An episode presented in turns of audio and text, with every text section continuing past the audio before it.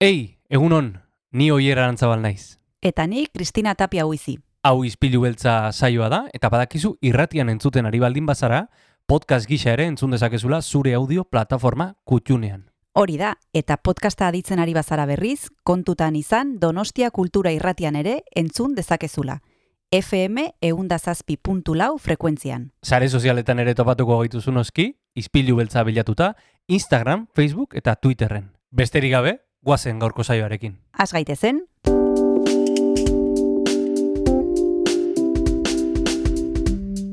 Ispilu beltza. Donostiako kulturaren berri, Oyer Arantzabal eta Kristina Tapia buizirekin. Azaroak emezortzi ditu, ostirala da, eta kafea bero-bero daukagu mai gainean, gaurko saioari ekiteko. Ez dakitzuk kafea bero-bero daukazun entzule, ez dakit Kristinak kafea bero-bero daukan. Egunon, Kristina? egun oier, edan dut jada lehenbiziko kafea eta oraintxe eskuartean ez daukate zer, baino izango du segurenik beste bat eta horrekin jakitxo. Hori da, hori da, gaurko saioa ere, bueno, ba, ez na, ez na pasako dugulako, ez kafeagatik bakarrik, gonbidatuen gatik ere bai. Noski baietz, badekizue ostiraletan e, liburutegietara joaten garela, eta gaur Isabel Besga intxaurrondotik etorriko zaigu izpilu beltzara, eta gaur aukeratu duen e, liburuak izena du Personas Decentes, Leonardo Padurak idatzitakoa, eta gainera Mikel Alberdi izango dugu gaur Donostia Kultura Irratian. Mhm. Badekizue berak eskaintzen dituela karlismoren inguruan ikastaroak aieten, eta aurten ere, gonbidatu nahi izan dugu kontatzeko pixka bat e, zer eskainiko duen, eta nori dagoen zuzenduta, eta bar, eta bar. Iragana ezagutzea oso garrantzitsua da, historia ezagutzea oso garrantzitsua da, memoriaren zuloak tapatzea ere bai, eta horretarako, ba bueno, Mikel Alberdiren jakinduria probestuko dugu, eta nola ez literatura ere bai, Leonardo Padura idazle kubatarraren lana ezagutuz, Isabel Bezgaren eskutik. Hori guztia gaurko saioan, eta baita ere, Jon Gartziaren musika. Hori da, eta bere baimenarekin hasiko dugu gaurko izpilu beltza. Guazen. Ostiral entzule, guatzen gaurko saioa gogoz astera, eta horretarako Sara Zurza eta Gartxotek argitaratu berri duten abestiarekin hasiko dugu gaurko saioa, hause da, uste ustelak.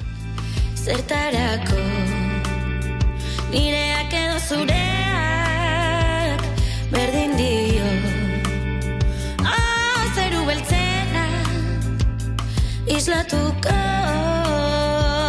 dituzu geak. Betirako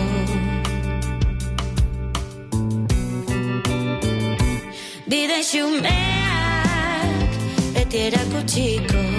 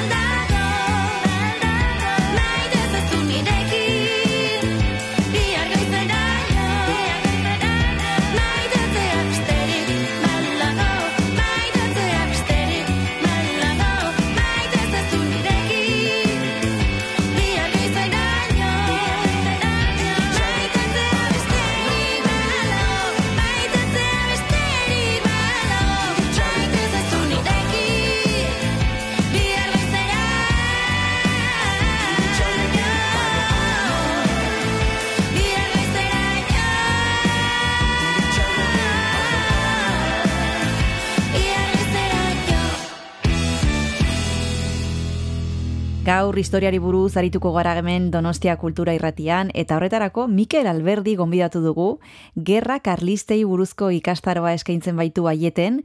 Egunon Mikel zer modu zaude? Egunon, ondo. bueno, aurreko ikasturtean zurekin hitz egin genuen e, bigarren karlistadaren inguruan eskaintzen zenuelako ikastaroa eta aurten ere ikasturte honetan e, egokitu zaizu berriro e, karlismoren inguruan aritzea. Bueno, norbaitek e, agian ez zuen entzungo e, momentuan egin genizun e, elkarrizketa eta pixka bat e, guazen errekuperatzera e, karlisten inguruko informazioa eta zu hemen e, ba, zureken aukera daukagulako hitz egiteko eta aprobetsatu egin behar dugu.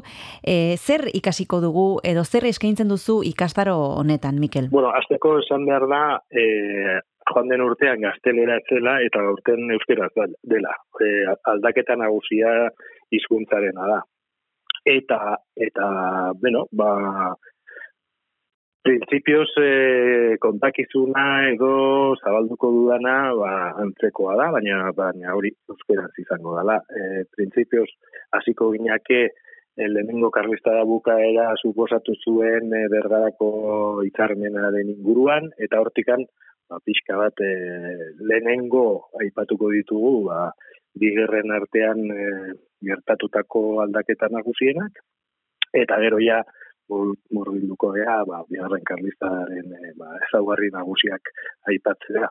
Beti ere erabiltzen dudan izaten dira, garaiko arabatuak, irudiak, eta kasu honetan baita argazkiak ere, ze lehenengo karlistaldian etzegoen oraindik asmatua argazki gintza, baina bigarrengoan bai, eta naiz eta bueno, e, argazkiak oso zabalduak ez egon eta bueno, nahiko e, bueno, e, ziren e, gaur egun e, ditugun ba anistasunekin agertzen, baina erabilitzakego baita ere eta orduan, bueno, pixkat hori irudietan oinarrituz eta gero baita ere ba hainbat e, ba ez dakite euskarri interneteko ba informazioa eta pixkat, eh, bueno, non eh, egin ditzaketen kontsultak edo nola zabaldu e, nik emango eh, didan informazioa ere saiatzen naiz beti ba ba hori ez pizkat kontatzen. Mm Ikusen dugunagatik, bueno, entzuten dugunagatik e, ikastaroa dinamikoa izango da, ez da bakarrikan zu hitz egiten, baizik eta beste tresna batzuk ere e, erabiliko dituzu. E, aipatzen duzunagatik nik ezakit ikastaroa e, adituentzat den edo edo norentzat e, ezakite bueno, zerbait jakin behar dezuna aldez aurretik edo Ez, ez ez uste aurretikan, bueno, ba, kuriositatea behar da hori bai, ez, pixkat ezagutzeko goa, baina ez, ez da ditua izan beharrik, edo norentzat e, daude, eta noski ba, ba batzuk e, etortzen dira, ez, asko irakurriak, eta da, baina, e, bueno, behintzat maila orokor batean eh, egiten dira adierazpenak eta gero, bueno, gehiago sakondu du, nahi duen arentzat ere, ba, izango dugu, mm. zer esan. Mm Ez da lehenbiziko aldia, e, Karlismari buruz hitz egiten duzuna, e, kontonostia kulturan, Mikel, e, orain arte izan dituzun ikastarotan, e, zein demota urbildu da, zein da jendearen profila, emakumezkoak, gizonezkoak, gazteak, adine, adinekoak? Bueno, adinekoak, hori bai, baina nahiko orekatua, eh, gizon emakume artean, eh, ez da ohikoa izaten, ze, bueno, leku batzutan, eta beste e, egoera batzutan ere izan diak ematen ditut, eta, bueno, justu joan den astean eman nuen bat hemen donostian, eragin elkartearen zat, eta han, e, uste, laro gehi bat emakume eta lau gizonezko zeuden. eta oikoagoa izaten da emakume gehiago egotea. Baina aieteko kulturretxek kasuan, ba, nik bada mazkite, pues, basei urte, eta hor nahiko horrekatua izaten da. Hori bai, gazte asko ere etzaigu inguratzen, hori, hori ere aitortu behar dugu. Eta badire errepikatzen du, eh, dutenak, e, behin eta berriz joaten direnak? Ez, ez, ez. Principios nik, eh, bueno, baten bat hori zei urtetan, baten bat igual diat bizo etorri gana egongo da, baina ez normalean e, jende handatzen doa. Bueno, ba, oraintxe bertan jarraituko dugu e, ikastaronen inguruan hitz egiten, e, Mikel Alberdirekin, tartetxo bat hartu behar dugu, deskantxo bat, eta oraintxe segituan itzuliko gara. Come gather around people wherever you roam that the waters around you have grown and accept it that soon you'll be drenched to the bone. If your time to you is worth saving, then you better start swimming or you'll sink like a stone. For the times they are a changing.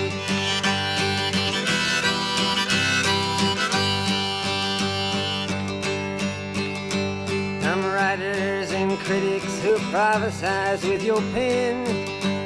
And keep your eyes wide, the chance won't come again. And don't speak too soon, for the wheel's still in spin. And there's no telling who that it's naming. Was the loser now will be later to win, for the times they are a changing.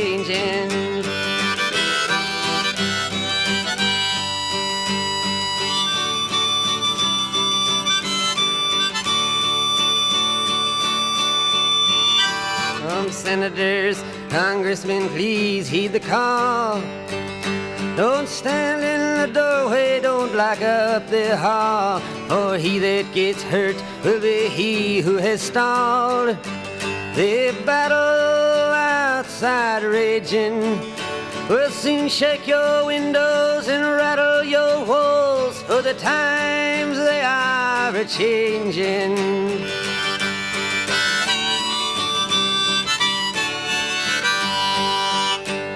Mothers and fathers throughout the land. And don't criticize what you can't understand. Your sons and your daughters are beyond your command. Your old road is rapidly aging. Please get out of the new one if you can't lend your hand. For the times they are a changing.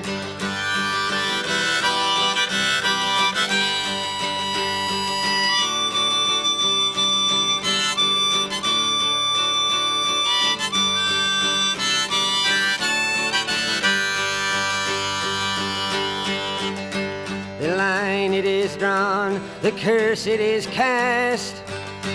The slow one now will later be fast, as the present now will later be past.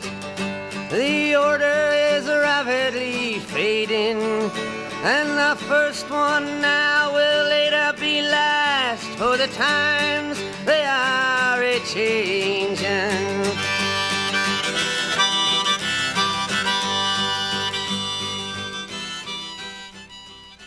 Donostia Kultura Irratian zaude entzule eta gaur telefonoaren beste aldean Mikel Alberdi daukagu, berak eskaineko baitu aieten karlismoaren inguruko ikastaro bat, aurten esan duenaren arabera euskaraz izango da, iazkoa gaztelaniaz izan zen.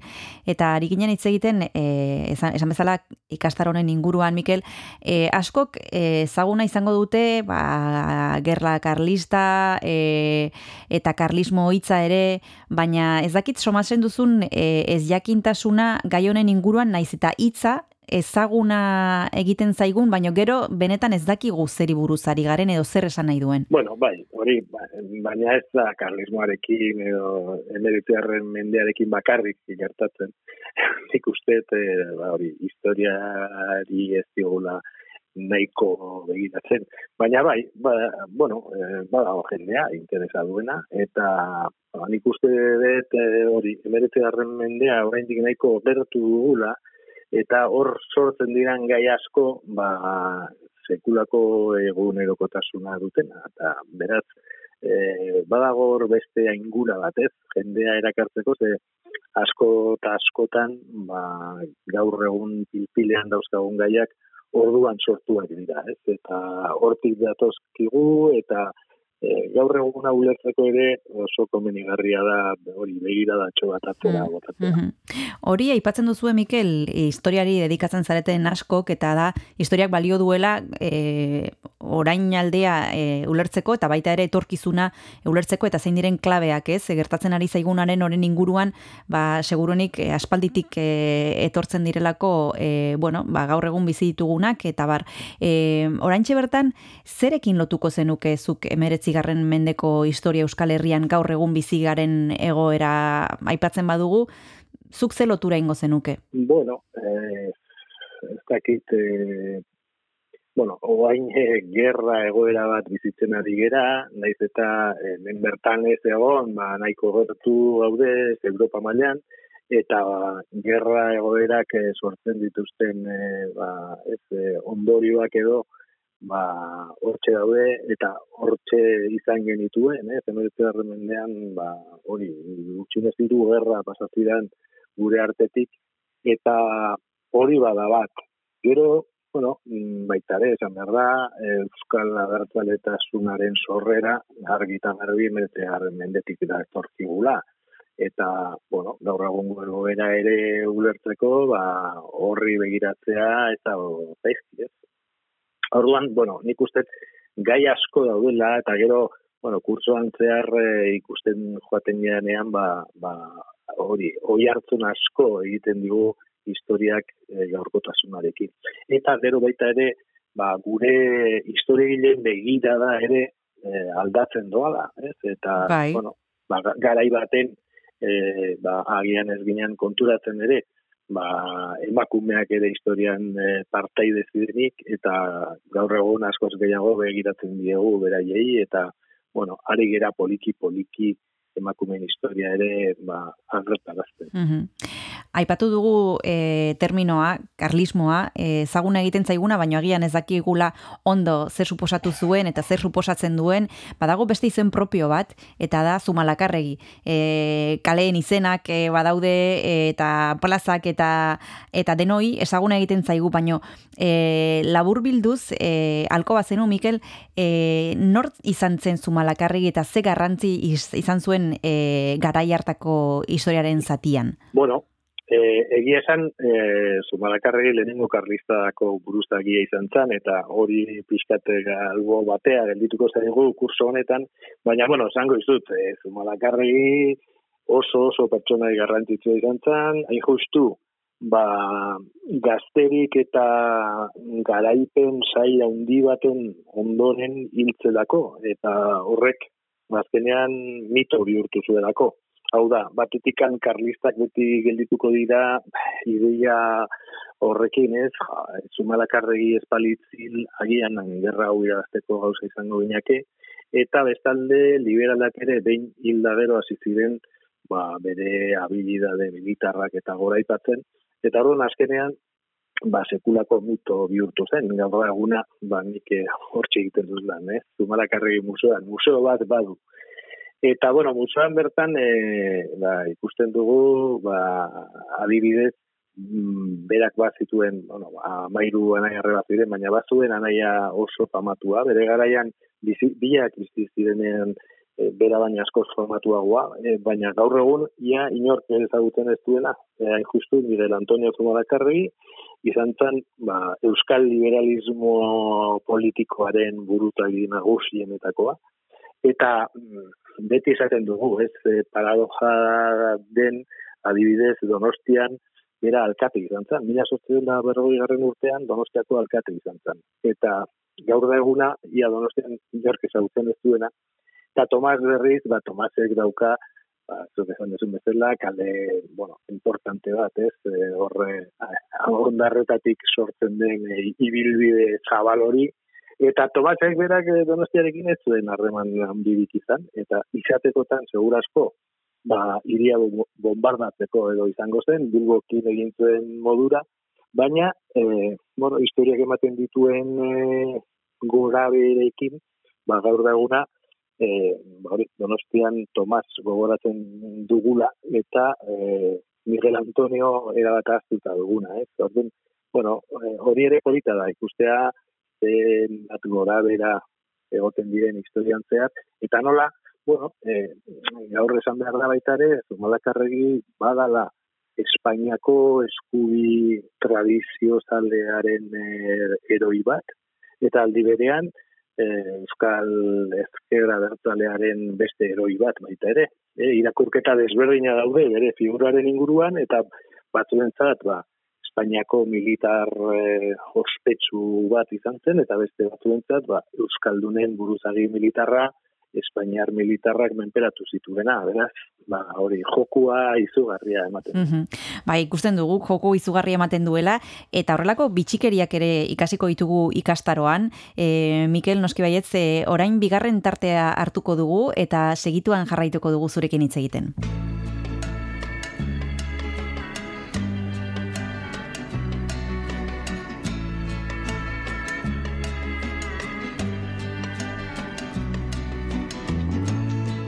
Lady, lay, lay across my big breast bed.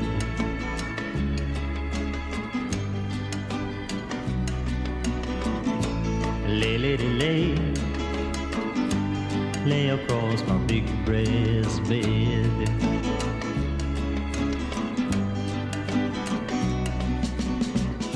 Whatever colors you have in your mind. I'll show them to you, and you'll see them shine. Lay, lady, lay, lay across my big breast bed.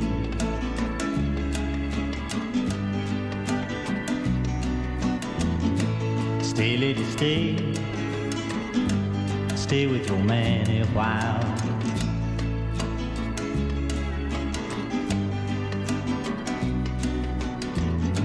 Until the break of day. Let me see you make 'em smile.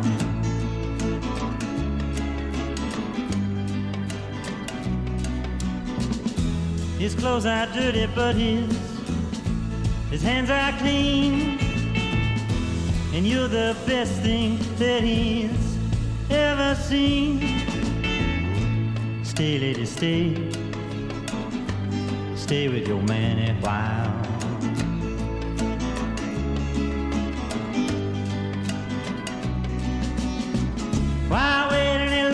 For the world to begin?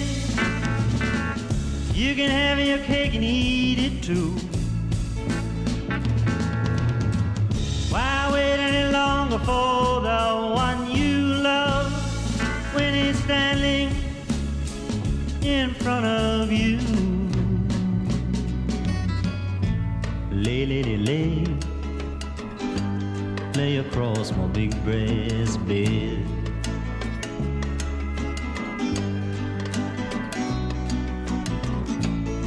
Stay, lady, stay. Stay while the night is still ahead.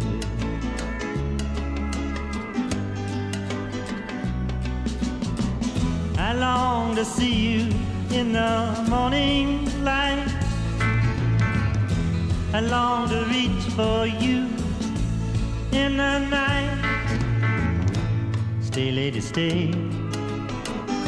Stay while the night is still ahead.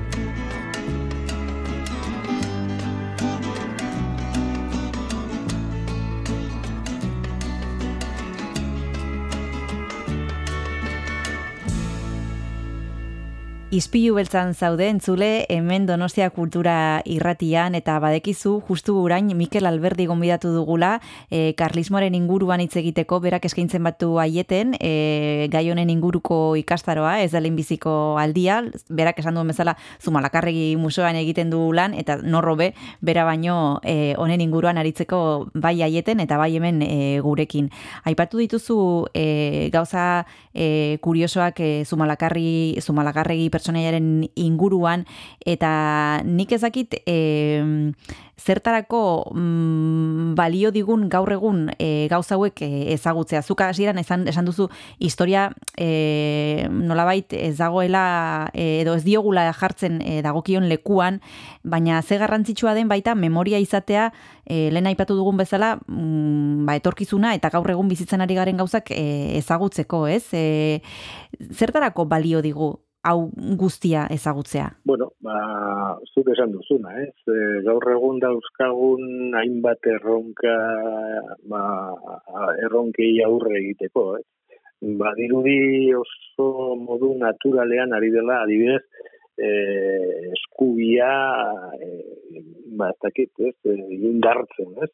Eta, e, ez dakit, adibidez, frankismoaren irakurketa batzu badaude, benetan beldurgarriak, eta ez da gaude aurretikan e, pixkat e, hortan e, jarriak, ba, ba, kasu askotan konturatu gabe sartzen dizkigute e, ba, ideia hoiek, ez? Ba, naturaltasunez hartzea be- berrogei urteko diktadura bat. Un, bueno, ba, hori ere horri horri ere aurre egiteko, ba, pixka bat lehenago begiratzea ere komeni zaigu eta beti ere zentzu kritiko hori indartzea, ez? E, historiari begiratzen diogun bakoitzean, ba, zentzu kritiko gogor batekin, eta mm, horregatikan, e, gaur egun sartzen dizkiguten hainbat eta hainbat gezurri aurre egiteko gau- gauza izateko, noski. mhm.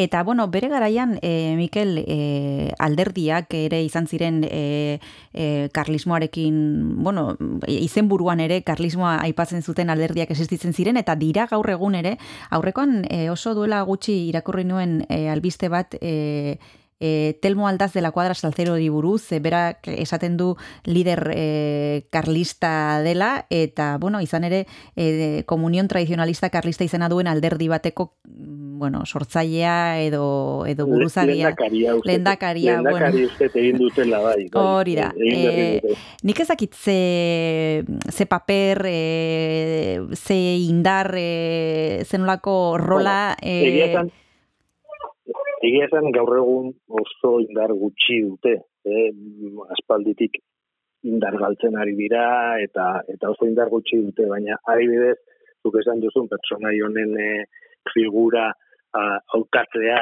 eh, ba, hori buruzagi bezala, ba, horrek ere asko esan nahi du, ez? Eh, berritzen, saiatzen ari direla bere imagina be- berritzeko saio bat dela, eta pff, ba, ba ez dakit kontuan izanik, ba, boxen eskubira dagoen partido bat izango litzatekela, bos e, beraientzat ba, ez dakit e, ezkertiarra direla, ba, hori, konpondiz ibili behar gauza hauekin, ez? Ja, konkisten ibiltzen den tipo bat, ba, egin daiteke erakargarri, gazte askorentzat, eta, eta gero horren atzetik dagoena, ba, benetan ideologia oso gogorra da, eh? oso, bueno, eh, Euskaldunen aurkakoa, eta, eta bueno, benetan, Espainiaren eh, tradizio, ba, ez dakit, rantzi benak eh, dituzte. Orduan, claro, horrek, bueno, principios, ez, ez dago, ez dakit, beldurra handirik oso gutxi bialako, baina beraien ideiak eta zabaltzen duten ideologia benetan Mhm. beldurgarria. Eta lehen aipatu duzu, e, ba, ze garrantzitsua den historia ezagutzea, ba, e, diskurtsoekin e, kontu zibiltzeko eta ez edo zer gauza sinisteko. E, dena dago ikertua karlismoaren inguruan, e, Mikel, e, zuke Eh, museoan bueno, lan egiten duzu eta nik ezakit e, e, falta zaigun asko jakiteko edo e, iritsi zaiguna oraindikan zati txiki bat den, Bueno, beti ere sakontzea badago. Eta lehen aipatzen nuen modura gainera, eh, bueno, garaian garaiko begirada desberdinak izaten dira, naiz eta gertaerak teorian eh, be- berdinak izan, baina eh, begirada non jartzen duzun orduan eh, gai gehiago edo, edo ideia berriak sortzen dira, edo historiaren beste ikuspegiak eh, jartzen dira, ez eh, nabarmentzen dira. Orduan, Segola ez da bukatzen. Hori historia, ba, edozein garai hartzen duzula, beti izango duzu, ba, bueno, orain ikusi dugu, elkanoren inguruko, ba, zenbat eh, gai landu diren, eta ze desberdin, eta eta ze ikuspegi desberdinak eh, eh, jorratu diren, eta hori da interesgarria, ez? Eh, garaia, garaiko begiradak aldatzen du bera bat historia, eta hori hor- hortaz jabetu behar dugu eh, batzutan pentsatzen da historia dela zerbait eh, bueno, hor dagoena mugi ezina eta betirako kontatua, baina ez hori hor dago ez kontakizunaren edo errelato famatuaren eh, eh, zera ez, eh, ba, bueno, nork egiten du errelato hori eta no, zer, zeri begiratzen dio errelatoa egiterakoan, beraz, hori egunero aldatzen den zerbait da eta sekula bukatzen ez den zerbait. Bueno, sekula bukatzen ez den zerbait, baina guk e, gehiago jakina izan ez gero aukera ederra daukagu, aietera hurbiltzen bagara, bertan egongo baita Mikel Alberdi, e, gai honen inguruan hitz egiten, eskerrik asko, e, beti bezala, izpilu beltzara hurbiltzeagatik, donostia kultura irratira, zure denboragatik eta zure azalpenengatik, e, eskerrik asko esan bezala, eta hurrengora arte, Mikel. Ba, eskerrik asko zuei, eta bai, hurren, hurrengora arte. Aio. Agur. Naiz da askotan ez dagon erantzunik. Banoa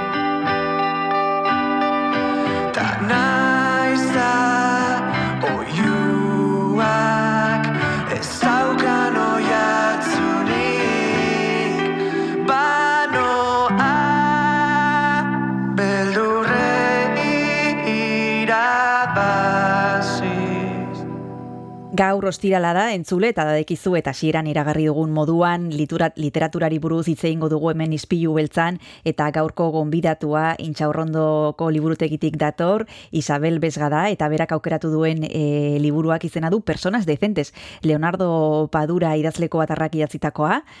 Egunon, Isabel, ¿qué tal estás? Hola, muy buenas. Pues muy bien, estoy perfectamente con ganas de hablar de la novela que me ha encantado. Yo también tengo ganas de que nos cuentes por qué has escogido, lo primero de todo, esta novela de Leonardo Padura, Personas Decentes, que podemos encontrar en, en, en Tusquets. ¿Qué nos cuentas? Eh, mira, Personas Decentes es, eh, es la última novela de Leonardo Padura. Hace dos años escribió la anterior, tuvo un éxito tremendo. La anterior era una novela como polvo en el viento, una novela dedicada a la diáspora cubana y también una novela emocionante, muy, muy, muy bien escrita, muy interesante. Bueno, yo de Leonardo Padura solamente puedo hablar bien y muy bien. Además, es un escritor magnífico, eh, muy galardonado, muy querido en España, la verdad. Tusquets, eh, sus novelas, la, serie dedicada a Mario Conde, es, eh, es una serie que tuvo un éxito terrible en España. Gracias a que Tusquets editó, él ha podido tener un- una proyección internacional y ser reconocido en muchos países, ¿no? Gracias a que la editorial española confió en él y la verdad tuvo mucho éxito. Y personas decentes, la verdad, con este título, ¿verdad? Parece como que ya te meten que va a ser pues una historia íntima, en fin, el título no da, no da muchas pistas sobre de qué va la novela. La novela es muy buena, es amena, brillante, está escrita en un estilo ágil, hace que quieras seguir leyendo, es muy fácil de leer además. Y son dos historias, dos historias que se entremezclan, las dos transcurren en La Habana en tiempos diferentes, pero que a la vez son semejantes sociológicamente, ¿no? La trama es una novela policíaca, la trama principal es una trama policíaca protagonizada por Mario Conde, por el detective, querido detective de, de Padura. O sea, es su novena novela protagonizada por él. Sí, es una saga. Ya, mm, podríamos sí, sí, decir. es una saga. Sí, sí, claro, sé, es la novena novela. De hecho, eh, la primera novela, eh, Mario Conde tenía 35 años, ahora tiene 62. O sea, hemos crecido con él, hemos visto su evolución, era policía, de unos 10 años fue policía, luego ya era, siempre quería ser escritor, luego ya se dedicó a ser librero, a vender libros de segunda mano, y ahora está en un momento, la, la trama transcurre en 2016, tiene 62 años, como he dicho, y eh, está en un momento en el que realmente la vida en Cuba es muy dura y necesita pues eh, aceptar trabajos que tengan que ver con su antigua profesión aunque porque el tema de vender libros de segunda mano pues está muy difícil entonces bueno eh, ya te digo que te mete te mete claramente en la vida de La Habana en la vida de Cuba porque estás hablando de una novela y el interés de Leonardo de Leonardo Padura es una novela política porque es una novela que habla, habla y critica el tipo de vida que se, se hace allí, ¿no? Que se puede hacer allí. Allí todo es política, porque los medios de producción están en manos del Estado, todas las importaciones están en manos del Estado y cuando la gente habla de cualquier de cualquier tema, de cualquier necesidad que tiene, está hablando está hablando del gobierno, está hablando de política. Entonces, eh, Leonardo Padura lo deja muy claro en sus entrevistas. Él, él le gusta ser un cronista de la vida de la vida cubana, es muy crítico con la realidad social que se vive allí y hablar de, de Cuba y de la vida en La Habana es, es hacer política. Por eso muchas veces él, en- que, es, que es tan conocido aquí, precisamente el año pasado, no este, el año pasado no, este año, en mayo, en mayo estuvo dando una charla aquí en el Teatro Principal, dentro de, de los actos que se organizan eh, en torno a Literactum, ¿no? A lo largo del año hay como encuentros con escritores y este estuvo aquí y es lo que decía, él siempre está como en la línea en la que todo el mundo le pregunta cuál es la situación allí, cómo se posiciona él, él es muy crítico, pero por otro lado él es un escritor que vive en Cuba Claro, y que quiere seguir viviendo allí claro. Y, y podría vivir en cualquier parte del mundo, pero no, él quiere seguir allí. Además, siempre lo dice, ¿eh? que sus novelas se alimentan de la realidad cubana. Él, él en fin.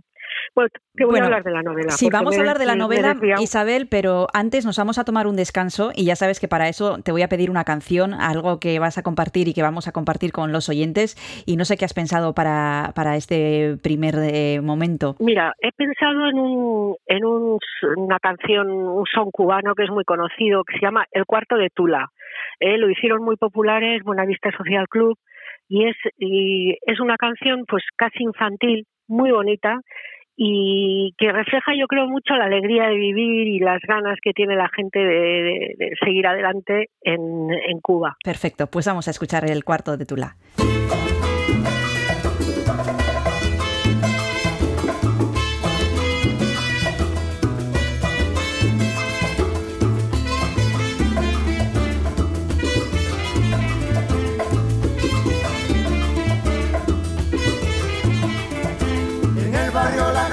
Cachimba se ha formado la corredera. En el barrio La Cachimba se ha formado la corredera. Allá fueron los bomberos con sus campanas, sus sirenas. Allí fueron los bomberos con sus campanas, sus sirenas. Ay, mamá,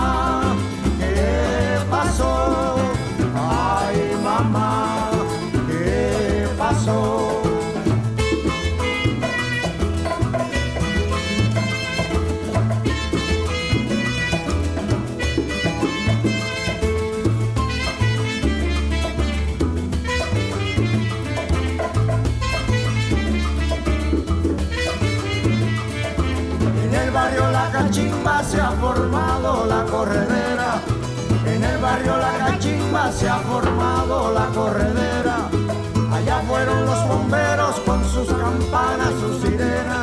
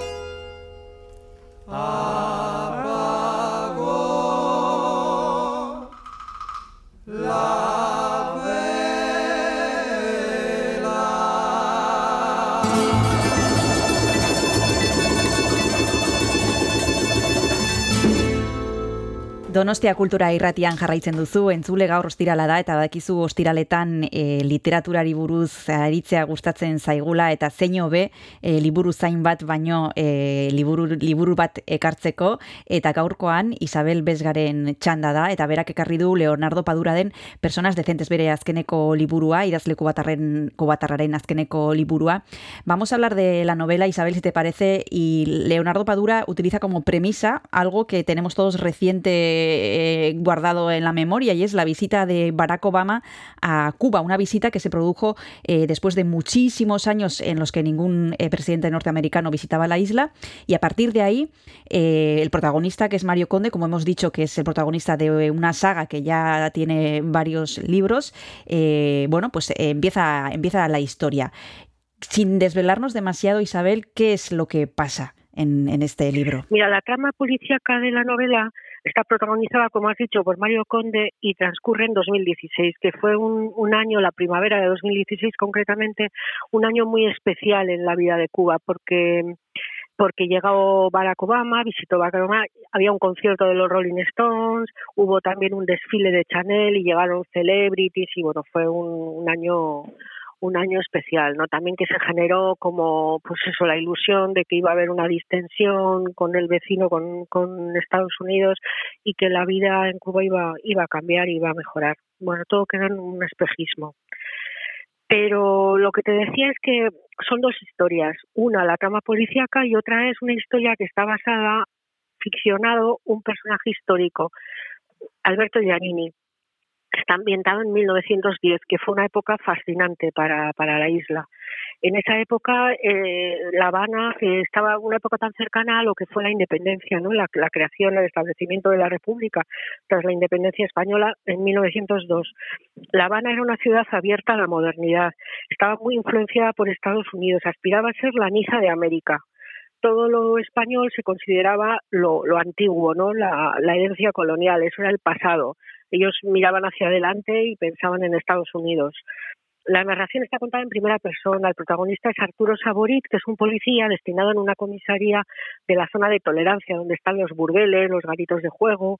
En ese ambiente así que es tan cosmopolita, pero tan corrupto, brilla Alberto Yarini, le llamaban el gallo de San Isidro. Era un proxeneta, dueño de los mejores prostíbulos a su vez era una persona fascinante en el sentido de que eh, había estudiado en Estados Unidos, era un hombre joven, brillante, tenía un gran carisma, era hijo de la élite de alto nivel, de una familia de alto nivel, tenía aspiraciones a, a cargos políticos. Entonces realmente este personaje sintetiza un poco la atmósfera de la ciudad y el trasfondo pues social y político de aquella época y resulta fascinante porque realmente están muy bien descritas las, las costumbres, eh, la vida de, de, él en aquella época. Es muy, muy interesante. La verdad es que sí. Y bueno, prefiero no contar nada más porque, porque bueno, él es un personaje histórico y realmente en, enseguida vas a ver qué va a pasar. Pero lo bueno es como Padura te va metiendo, va generando también otra, otra ficción policíaca en la vida de, de Yarini, ¿no? Uh -huh. Y estas dos y historias, sí. sí. perdón, eh, te iba a preguntar por eso, por la, por la segunda historia, la que transcurre en el sí. 16, ahí en qué es 16, lo que sí. qué es lo que ocurre. Pues mira, eh, acepta, como te he dicho, Mario Conde acepta trabajos relacionados con su anterior trabajo de policía, ¿no? Entonces su amigo, un amigo que es dueño de un bar-restaurante de moda, le ofrece el trabajo de guardajurado en su negocio para evitar que haya tráfico de drogas en su local, ¿no? Entonces, gracias a este trabajo puede ganar los dólares que necesita para vivir un poquito mejor día a día. Entonces, por otro lado, un policía que es amigo suyo también le pide ayuda para investigar un asesinato en La Habana, bueno, lo que te he comentado, o sea, está patas arriba porque van a ocurrir una serie de acontecimientos que eran impensables un tiempo atrás, ¿no? Lo que decimos, la visita de Obama, el desfile de Chanel. Entonces la policía está ocupadísima y está desbordada por el trabajo extra, entonces le piden ayuda para investigar el asesinato de Reinaldo Quevedo. Y Reinaldo Quevedo, pues no es un cualquiera, ha sido censor, censor en el pasado eh, para que los artistas no se desviaran de las consignas de la revolución. Un hombre déspota, un hombre cruel que había acabado con la carrera de muchos artistas. 40 años atrás, porque en los años 70, y aquí Padura incide en un momento histórico de, de Cuba que realmente fue terrible para mucha gente, En los años 70, los altos cargos del Partido Único en Cuba, las autoridades revolucionarias decidieron que los artistas no podían desarrollar su creatividad a su manera, sino que tenían que crear arte al servicio de la revolución. Y Reinaldo, Quevedo, el asesinado, era el encargado de ejecutar estas órdenes. ¿no? Entonces, la sorpresa de Mario Conde es que cuando accede al, al apartamento, que es donde han asesinado a Reinaldo, ve que está lleno de cuadros de los, de los pintores que él, que él había represaliado. Entonces, la pregunta primera es cómo se hizo con esas obras. Entonces es un avispero, ¿no? El que se desata con la muerte de este hombre que aparecen recuerdos muy dolorosos, ¿no? Entonces, bueno, él, aquí Leonardo Padura lo que hace es una crítica muy, muy, muy fuerte, muy, muy intensa sobre lo- los años, los años 70, criticando el fundamentalismo de, de los dirigentes, ¿no? Que se ensañaban con los artistas. Han sido realmente años de terror y de opresión. Y a la vez Mario Conde, que es el, alto, el alter ego de Padura, se pregunta, ¿no? ¿Y qué se ha conseguido? Te digo tal como pone, vencer al imperialismo, salir de su desarrollo, crear al hombre nuevo. Nada, nada, ¿no? Siguen dando vueltas a lo mismo.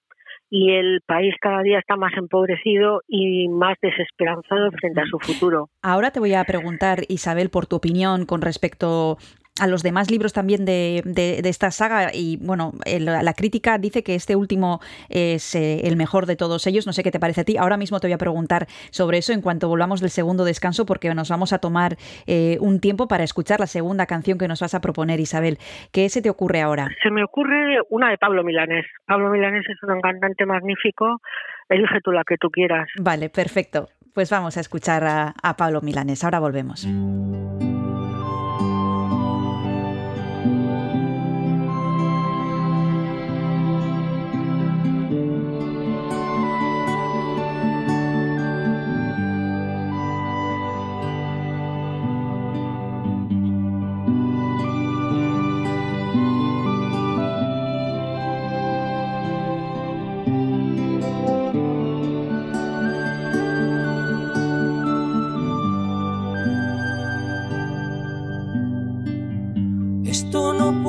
Ser no más que una canción. Quisiera fuera una declaración de amor romántica sin reparar en formas tales que pongan freno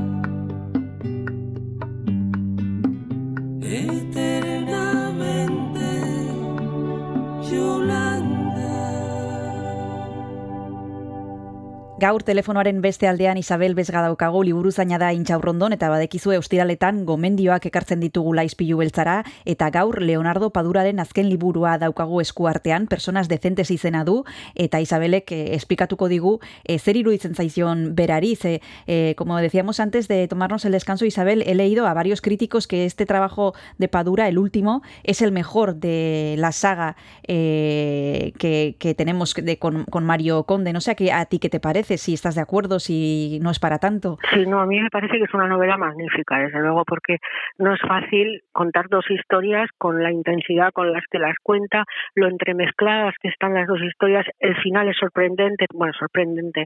El final engarza muy bien las dos las dos historias y bueno, y el Mario Conde, el personaje Mario Conde ya está en su novena novela, como he dicho, y realmente como hemos crecido con él y las características del personaje siguen estando ahí muy vivas, la relación con sus amigos, el cómo él es una persona decente, una persona decente, el título hace referencia desde luego a él, a sus amigos, a héroes a héroes, bueno, héroes entre comillas, claro, pero gente que está viviendo una vida muy dura, muy dura en su día a día y que intentan mantener la decencia, aunque él en sus entrevistas Badura Padura siempre habla de que en Cuba es muy difícil ser decente porque el simple hecho de comer todos los días supone que tienes que hacer una serie de cosas que, que igual de otra manera no harías, ¿no? En fin, la Eh, verdad es que Hablas. Isabel, de las características de Mario Conde y, y te- me gustaría también eh, preguntarte sobre tu opinión con respecto a cuáles son las características de, de Leonardo Padura como escritor. Eh, para quienes eh, no conozcan a, a este autor, al autor cubano, ¿qué nos podrías decir? ¿Cuáles son las, las cualidades y los rasgos de su escritura? Bueno, Leonardo Padura es un escritor magnífico. Tiene un, una manera de contar y porque su lenguaje no es un es un lenguaje brillante, es un lenguaje culto, eh, a la vez es ingenioso, muy bueno, es realmente muy bueno. Es de los escritores cubanos actuales es el mejor y el que más proyección internacional tiene. Eh, eh, como decía, mm, ¿Difícil, Isabel? no, no muy fácil, muy fácil. Vale, porque leer, cuando además. hablamos de culto y brillante, a lo mejor alguien puede hacer una asociación de ideas y pensar, bueno, difícil también, pero vamos a aclarar esto, no es difícil. No, no, no, al revés. Es muy ágil, muy fácil de leer. Es de estas novelas que quieres seguir leyendo, ¿no? Te, te está invitando a seguir leyendo. También, claro, al tener una trama policíaca y haber una serie de asesinatos y tú quieres ir siguiendo las pistas que te van dando, las entrevistas que va haciendo, quieres ir viendo los otros personajes cómo van evolucionando, como para llegar a una conclusión, ¿no? Es verdad que la estructura de la novela policíaca te permite eso, te permite el, el sentir que tienes ganas de seguir leyendo porque no, no resulta redundante, no están regodeándose igual en un en una trama, sino que eh, hay una trama que está avanzando, no con un asesinato que tiene que resolverse. Entonces siempre es una estructura de novela que te invita a seguir leyendo, eso sí. Pero realmente es que es, es que es muy bueno. Bueno, tiene todos los premios. Se tiene el más importante fuera de Cuba es el premio Princesa de Asturias que se lo dieron dos, en 2015 por por toda su obra pero ya en Cuba también es reconocido, aunque él en las entrevistas lo que suele decir es que como es muy crítico con la realidad social eh, cubana, pues en, en la televisión cubana, por ejemplo, lo tienen completamente ninguneado, a pesar de a pesar de haber tenido premios muy importantes, incluso también el Premio Nacional de Literatura de Cuba, no, no aparece en los programas culturales de, de, Cuba. Y de hecho y de hecho sus libros allí no están publicados. Están publicados los primeros que ya no hay manera de conseguir y luego por falta de papel por las circunstancias económicas del país por lo que sea no se no se publican allí. Y tampoco el eh, tampoco el Estado eh, importa los libros que él edita en España con Tusquets con lo cual la gente le conoce y pero todo pirateado uno de los comentarios que hace además precisamente en una entrevista a la hora de promocionar esta novela dice que eh, si se publicó aquí esta novela el 31 de agosto de este año, al día siguiente ya estaba circulando una copia pirata, eh, un EPUB, ¿no? Un- una copia pirata en Cuba. Dice, bueno, los jóvenes tienen ocasión de leerme, pero con dificultad, porque... Sí, y sin embargo es un no- autor muy prolífico porque además de novelas que tiene muchísimas, también ha editado cuentos, ensayos y reportajes porque vamos a recordar que además de periodista, o sea, además de escritor, perdón, él es periodista y también eh, ha escrito reportajes y guiones eh, también. Y como decías, tiene, eh, su, su trabajo es extensísimo. Sin embargo, pues a lo mejor tiene más éxito, eh, podríamos decir, fuera de su país que, que dentro, ¿no, Isabel? Sí, eso es, sí, sí, mucho más éxito fuera. Eh, tiene 67 años, es nacido en el 55. Entonces él, eh, él puede vivir de sus royalties, ¿no? De, de los derechos de autor.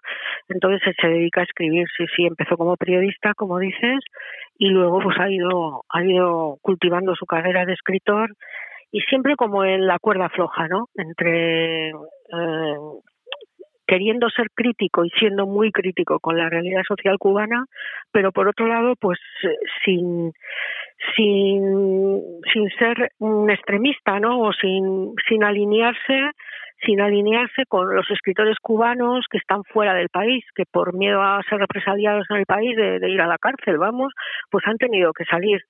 Hay, hay muchos escritores cubanos que están fuera y él está ahí, mm, entiendo que hay que hacer una reforma, pero una reforma que sea como fiel a los postulados de la revolución, de la revolución primera, ¿no? De Fidel Castro. O sea, parece que él está de acuerdo con lo que se quería conseguir con la revolución y no está de acuerdo en cómo ha ido evolucionando esa revolución. Entonces, él, yo creo que podríamos decir que políticamente él es un moderado, ¿no?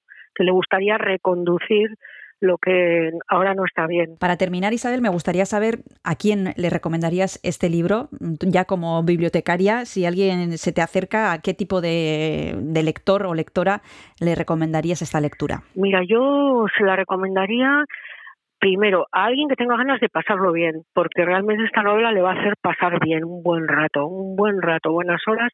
No es una novela corta, son 400 páginas, pero se leen tan bien que no no creo yo que le sobre nada, al revés, ¿no? O sea, yo eso hubiera seguido leyendo, me hubiera gustado seguir, claro, sí, sí, de verdad. Eso por un lado, el que quiera pasar un buen rato. Luego, por otro lado, el que quiera eh, conocer la realidad cubana, que se acerque a la realidad cubana con, con una mente abierta, ¿no? Sin prejuicios. Mm, Aquí, desde luego, la crítica que, que va a leer es una crítica fundada, una crítica bien organizada. A mí me ha gustado mucho. Por ahí, Pues por ahí iría yo. Perfecto, con estas recomendaciones y con estas explicaciones sobre este último trabajo de Leonardo Padura titulado Personas Decentes, despedimos a Isabel Vesga, con la que hablar siempre es un placer y porque nos trae unos libros maravillosos. Esperemos que hayamos convencido a alguien, Isabel, seguro que sí, y te despido hasta la próxima. Milla Esker. Muy bien, muchas gracias, Cristina Villas Kersuri, eta bai urrengo arte. Agur. Agur, thank you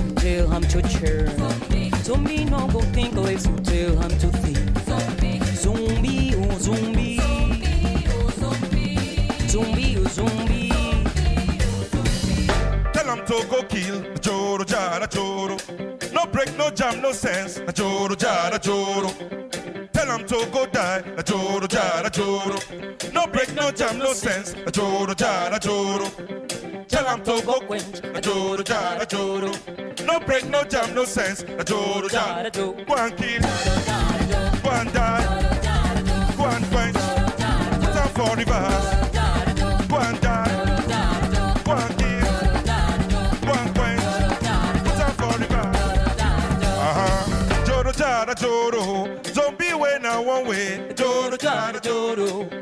zombie when I one way. A joro jara joro, zombie when I one way. A joro jara joro, zombie when I one way. A joro jara joro.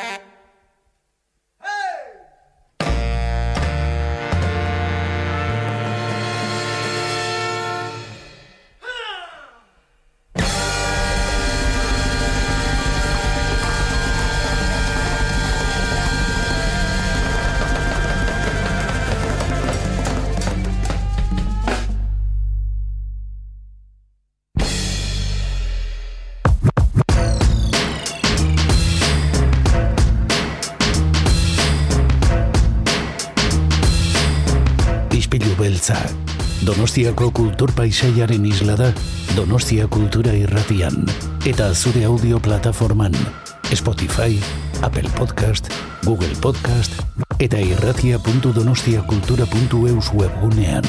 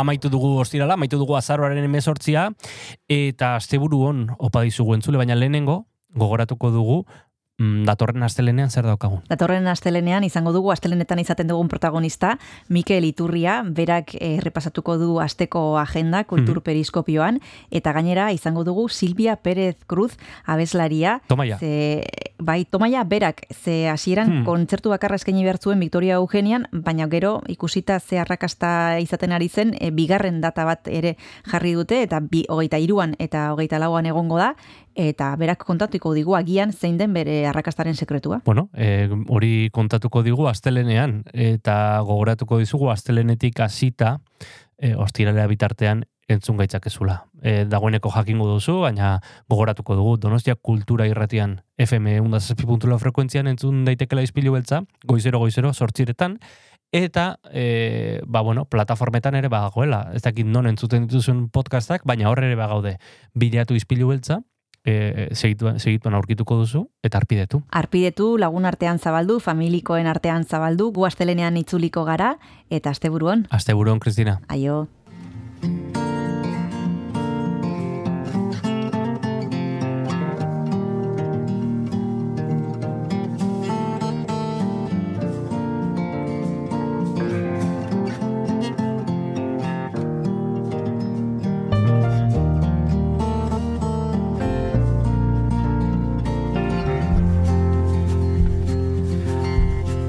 Is how I tell it.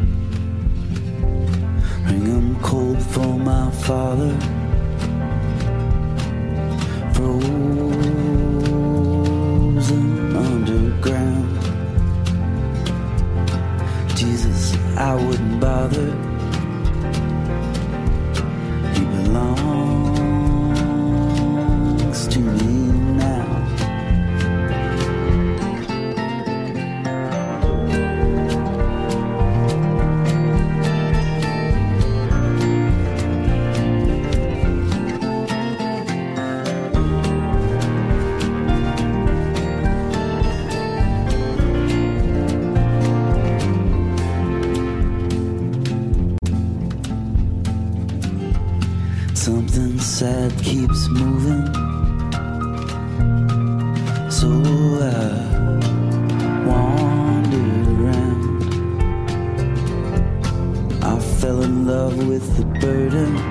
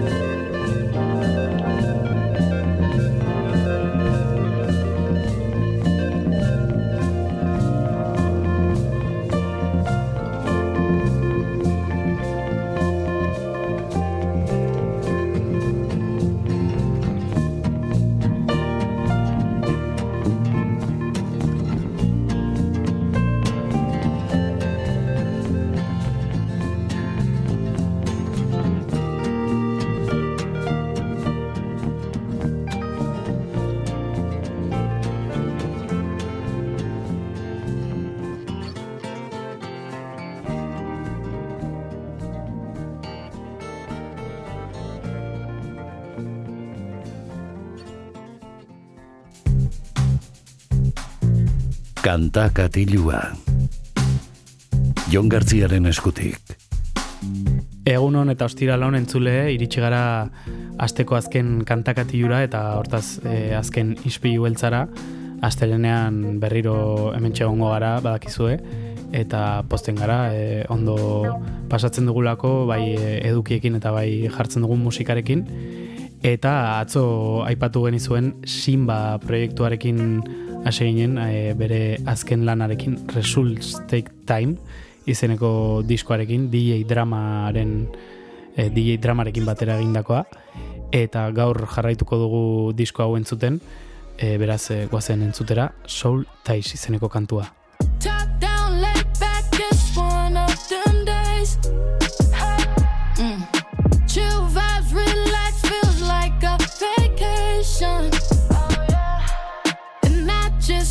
that I could freeze this moment in time. Can cut this movie where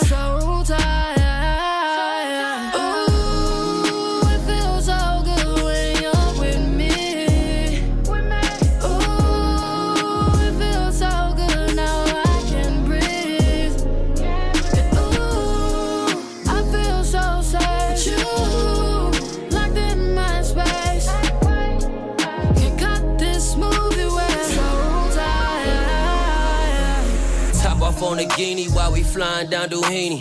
Smelling like Chanel with double G's on your bikini. Grew up in the Bay, but graduated from Tuskegee. We tearing down the stores, no need for keeping a score. You know what's mine is yours. You always text me purple hearts, but we never at war. I know that pussy mine, but sometimes I forget it's yours. You know we go together like mansions and marble floors, or Target runs when you bored. You got love for the boy. Top down, laid back, it's one of them days.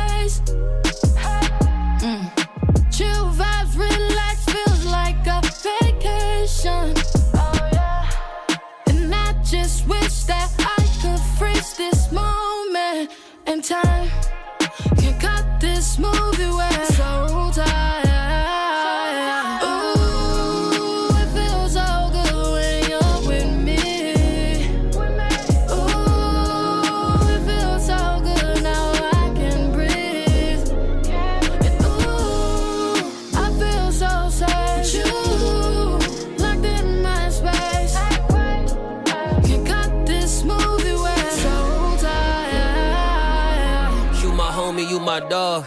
I knew you was mine before we even got involved.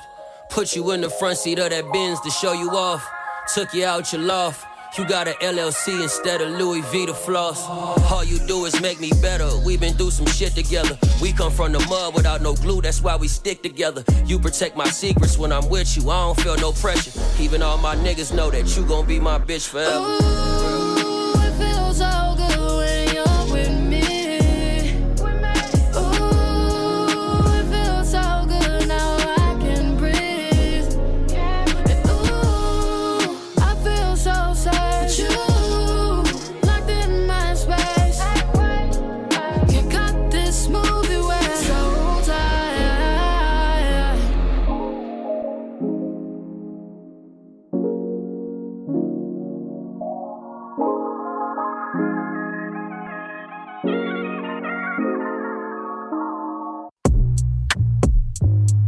I must commend myself.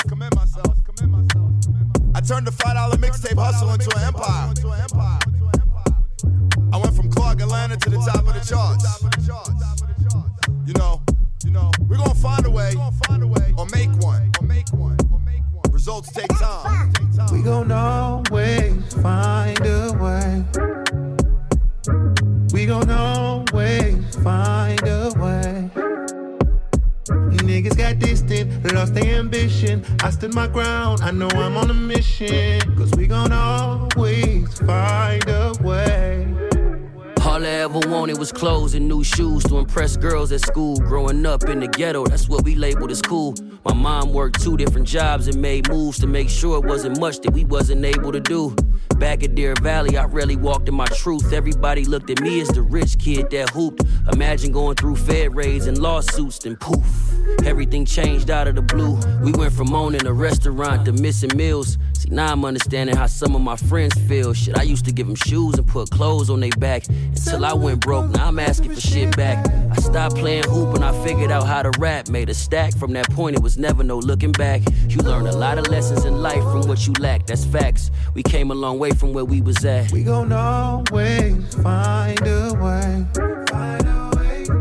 We gon' always find a way. Find a way. Niggas got distant, lost their ambition. I stood my ground, I know I'm on a mission. Cause we gon' find a way. It was times I felt like making music ain't making sense. Cause the money I was making off hustling came quick. It's hard to stay legit when you worried about your rent. That's when you start to question if dreams even exist. Stat Quo told me my music just wasn't it. And if I ain't have a gimmick, then people wouldn't give a shit. It's crazy how a nigga who ain't made nobody's list can make you feel like you can't go where you tryna get. You niggas from 06 be coaching with no chips. It's always a Grinch hating on somebody's gift. You niggas act like you don't want no one to get rich. Except yourself, you selfish just like my bitch. Falling short almost took my pride away. Niggas sleeping on me made me feel some kind of way. I felt like the pandemic took my shot away. But no matter what, I wake up every day and say, We gon' always find a way. Find a way. We gon' always find a way. Find a way. Some niggas got distant, lost their ambition. I stood my ground, I know I'm on a mission. Cause we gon' always find a way. DJ Drama. Yeah,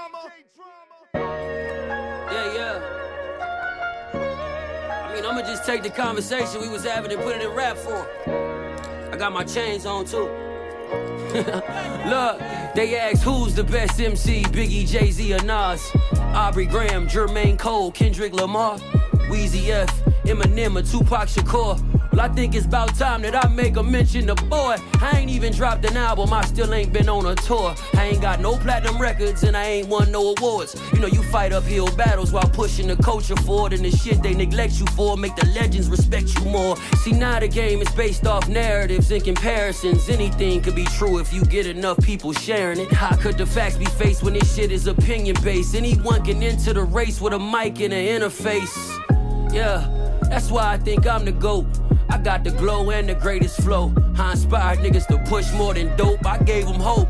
Just because you rap like you woke don't mean you dope. You preaching to the choir about some shit we already know, man. Niggas broke.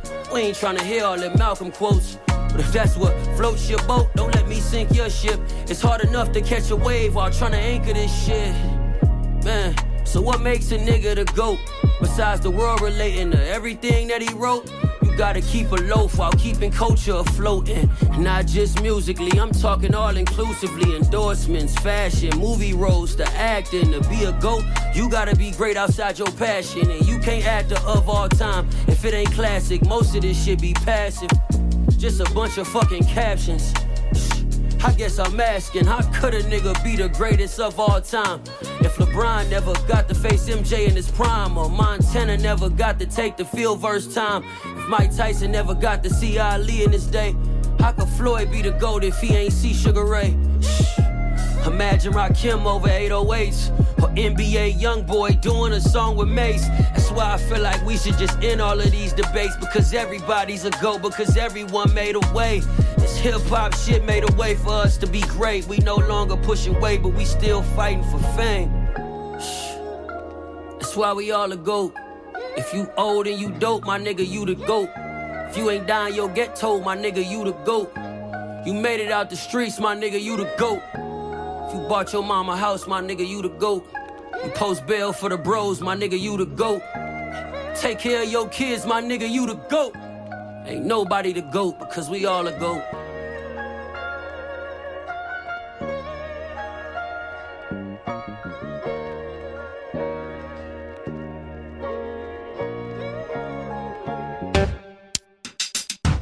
Donostia kultura irratia zurea ere. Zatoz eta parte hartu. Fuck nigga. Know how this shit going.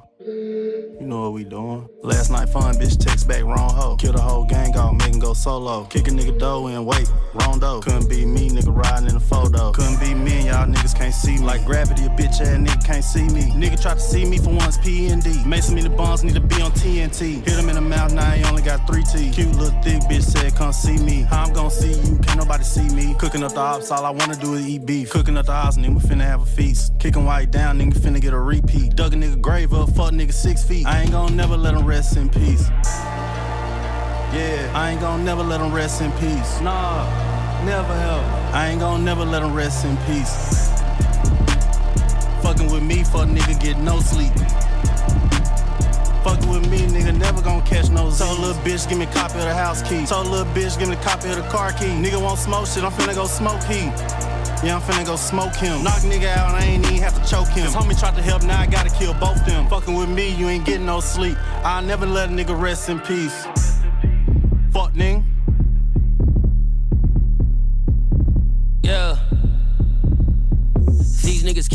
Out. Now they count on me to come save the day. For all of these hours, I pray that they give me my flowers before they get put on my grave. They tried to play me like I wasn't great. I ain't complain, I just stayed in my lane. I never cared what they said, cause I couldn't go put their opinions inside of my safe. They used to tell me this shit was a phase. Look at me now, hopping out of this race. Burberry bag full of hundreds. When I wanna stun, I be shoving this shit in their face. I paid the price and this shit wasn't cheap. I was up working when niggas was sleep. This for the people who did not believe. I ain't gon' never, ever, ever let them rest in peace. I ain't gon' never let them rest in peace. I ain't gon' never let them rest in peace. Fucking with me, fuck nigga, get no sleep. Fucking with me, nigga, never gon' catch no Z's. Told little bitch, give me a copy of the house key. Told little bitch, give me a copy of the car key. Nigga won't smoke shit, I'm finna go smoke heat. Yeah, I'm finna go smoke him. Knock nigga out, I ain't even have to choke him. His homie tried to help, now I gotta kill both them. Fucking with me, you ain't getting no sleep. I'll never let a nigga rest in peace. Facts. Fuck nigga. I never let a nigga disrespect me. Ride with a chopper on the front and back seat. Yeah, smoking on gas, car still on E. Got a pocket full of money, yeah, the cash on fleek. I ran my bands up to the TOP. Yeah, I'ma hustle hard till I DIE. Got a new Rolex, console track called Q. This bitch is a freak, she all on my meat. She want me to beat her up and put her to sleep. She know I'm a dog, this cube in my leash. I seen 25, now I'm a OG. I jumped off the porch and I hopped in the street. Yeah, my name is Glock and I keep it on me. Yeah, I am so evil. I fuck around, yeah, I fuck around, get you gone off a tweet. Yeah, same little nigga on and off IG. Just told my wrist ain't shining like we. Big Glock, long money, these boys pee wee. Tryna get my get back, fuck some greed. Nigga, I ain't gon' never let them rest in peace. stand on that. I ain't gon' never let them rest in peace. Fucking with me, fuck nigga, get no sleep. Fucking with me, nigga, never gon' catch no Told little bitch, give me a copy of the house key. Told little bitch, give me a copy of the car key. Nigga won't smoke shit, I'm finna go smoke heat. Yeah, I'm finna go smoke him. Knock nigga out, I ain't even have to choke him. His homie tried to help, now I gotta kill both them. Fucking with me, you ain't getting no sleep. I'll never let a nigga rest in peace. Fuck nigga. Donostia kultura irratean jarraitzen dugu eunda zazpi puntu lau frekuentzian, eta jarraitzen dugu atzo hasi genuen diskoa entzuten, Simba eh, raperoaren Results Take Time izenekoa, DJ dramarekin batera argitaratu berri duen lan luzea eta ederra, eta tira guazen eh, entzuten eta ezagutzen jarraitzera, kolaborazioz jositako disko hau, oraingo hau entzungo dugun hau, Two Chains izeneko artistarekin egin du, eta hoxe da, Pop Out izeneko kantua.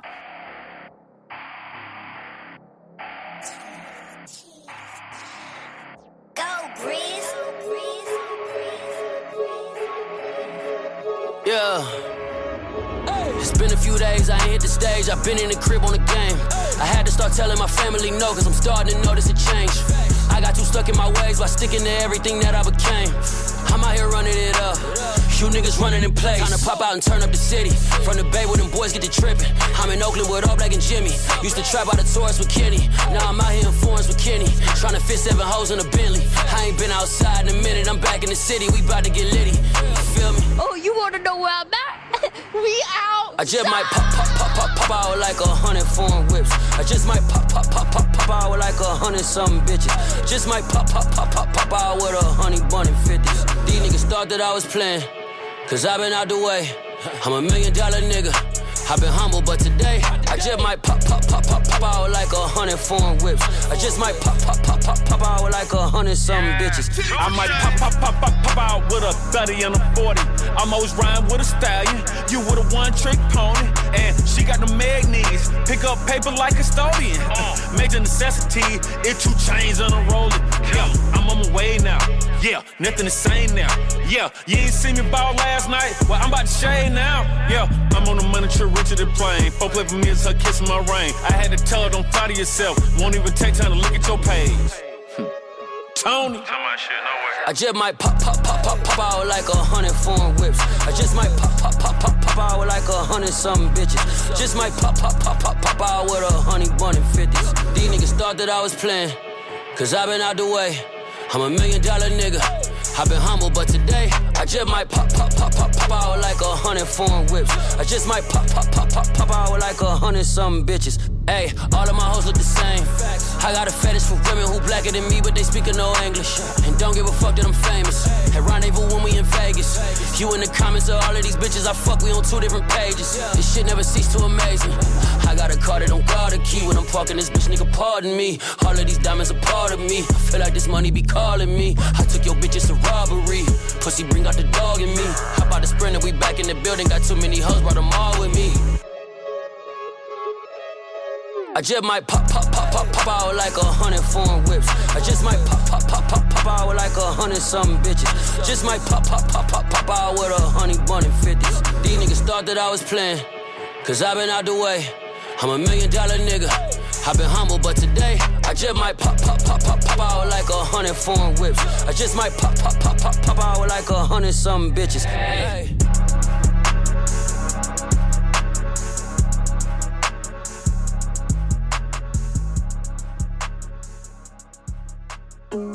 On the real, on the real, you niggas is blessed that I can't make my shit rhyme. Cause I be on niggas' tops like you, Simba. Hey, I don't even go to church, but I'm giving blessings. Jesus, peace, match the merch. I look like a blessing. Never nailed to the cross, Father keeps his hands stretched. Drop two V's in holy water. Blessings on blessings on blessings on blessings on blessings on blessings. My life is a blessing. My presence a blessing. Amen. Blessings on blessings on blessings on blessings on blessings. Yeah, yeah. My life is a blessing. My presence Oh, a blessing. Hey, tucking my crown. Sitting on the throne, I've been the man in my town. They love to talk down when you down, look at him now. Be there to cut the cake when you bake it, they not around. Got no time for all these trolls, I'm in control. Ain't even left the house, but I'm closing deals on the phone.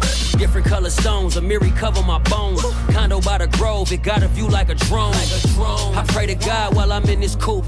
Keep fake friends out the loop. I'm on the phone with Snoop. He telling me to watch out for these niggas who rebuke you for the blessings you won't ever recoup. I don't even go to church, but I'm giving blessings. Jesus, peace, match the merch. I look like a blessing. Never nailed to the cross, Father keeps his hands stretched.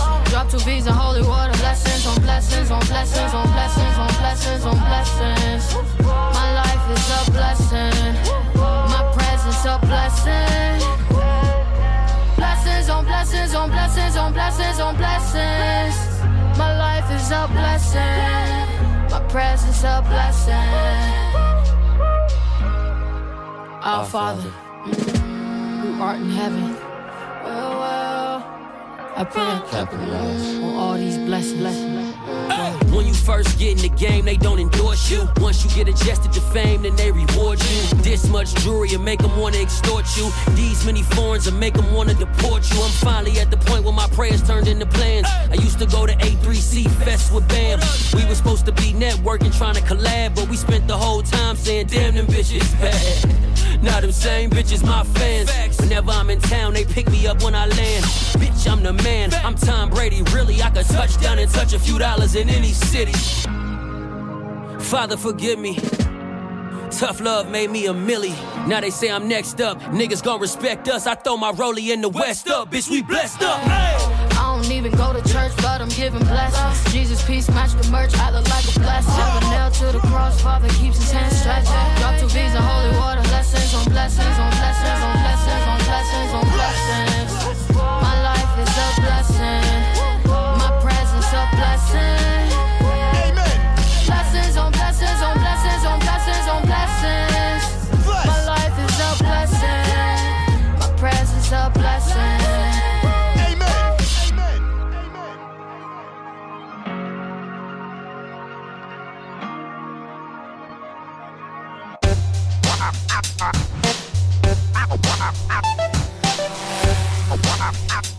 Donostia Kultura Irratia. Zabaldu gurekin Donostialdeko kulturaren leioa.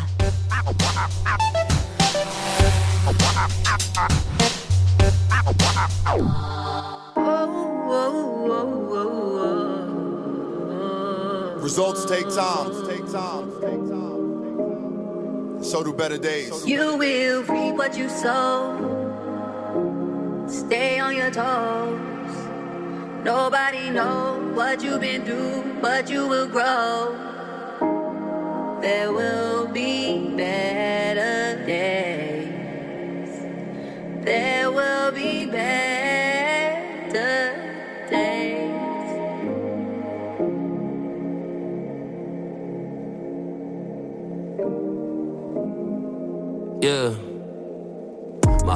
life I've been bottling emotions. I never had a dad that I could say I was close with. He died in jail over some whole shit. And I never got to tell him I need him. I'm still broken. Man, I'm still coping. Hungry died in the city outside of Oakland. He should be here to witness this whole shit, cause he was in that car that they shot 21 holes in. In the time when you die before 25, and they support you more than they did when you was alive. A lot of people don't wanna heal, some never try. Niggas rather swallow a pill before they pride. It's okay to cry. It's okay to call your partner and apologize. Sometimes you gotta check yourself when you get out of line. I feel your pain, I just hope that you, You relate to mine.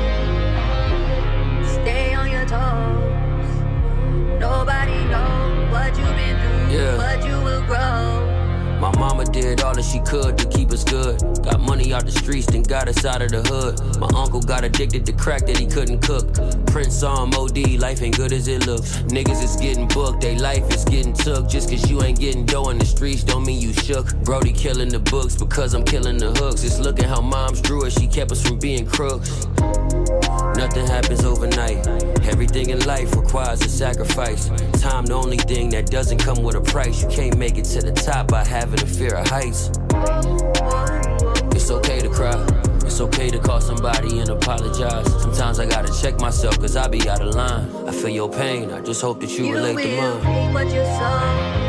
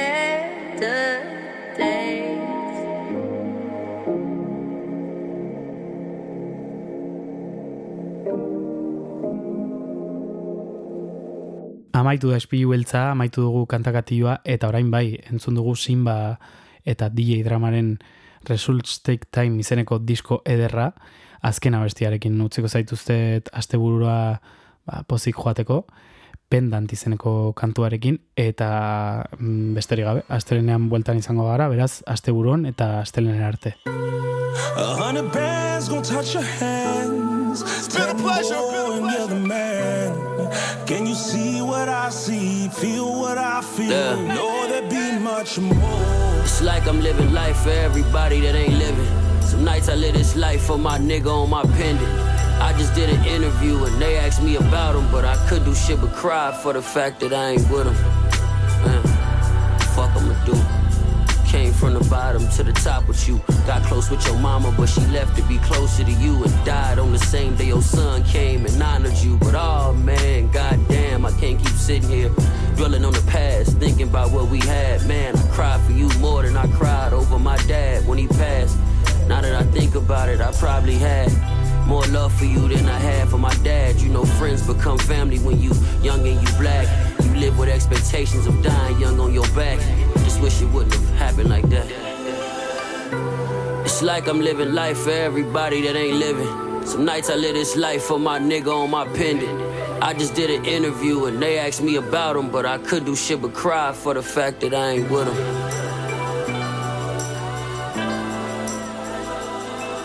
Yeah. Okay, let's take a break. And they act like I'm supposed to be okay. Was in the strip club and got a call that you was DOA.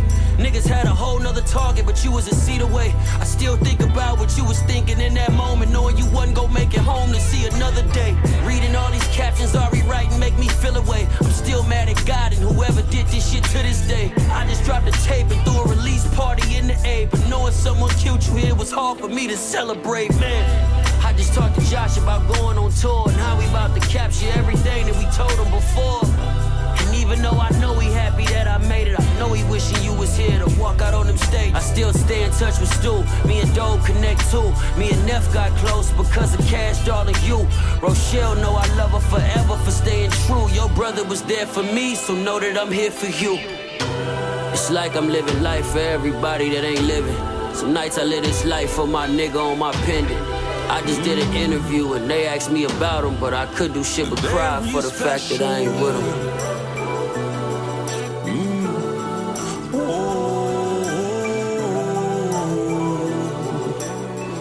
Mm. A hundred bands gonna touch your hand. Ten more Feel what I feel? Know there be much more. When they're making that mistake, make sure you in your place. When you see what they ain't, feel what they can. Know there be much more. Mm. When you're down on your knees and you ain't feeling special, down. You gon' be where you are, just look for tomorrow.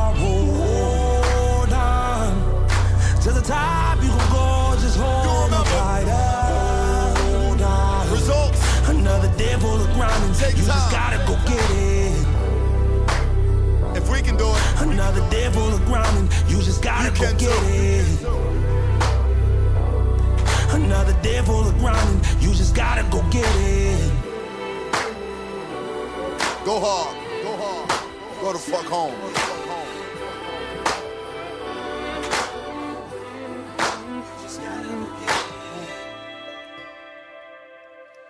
And like that, and like that. Ispilu beltza podcasta entzungai duzu irratia.donostiakultura.eus webgunean, Spotify, Apple Podcasten, Google Podcasten edo zure audio plataforma kutxunenean.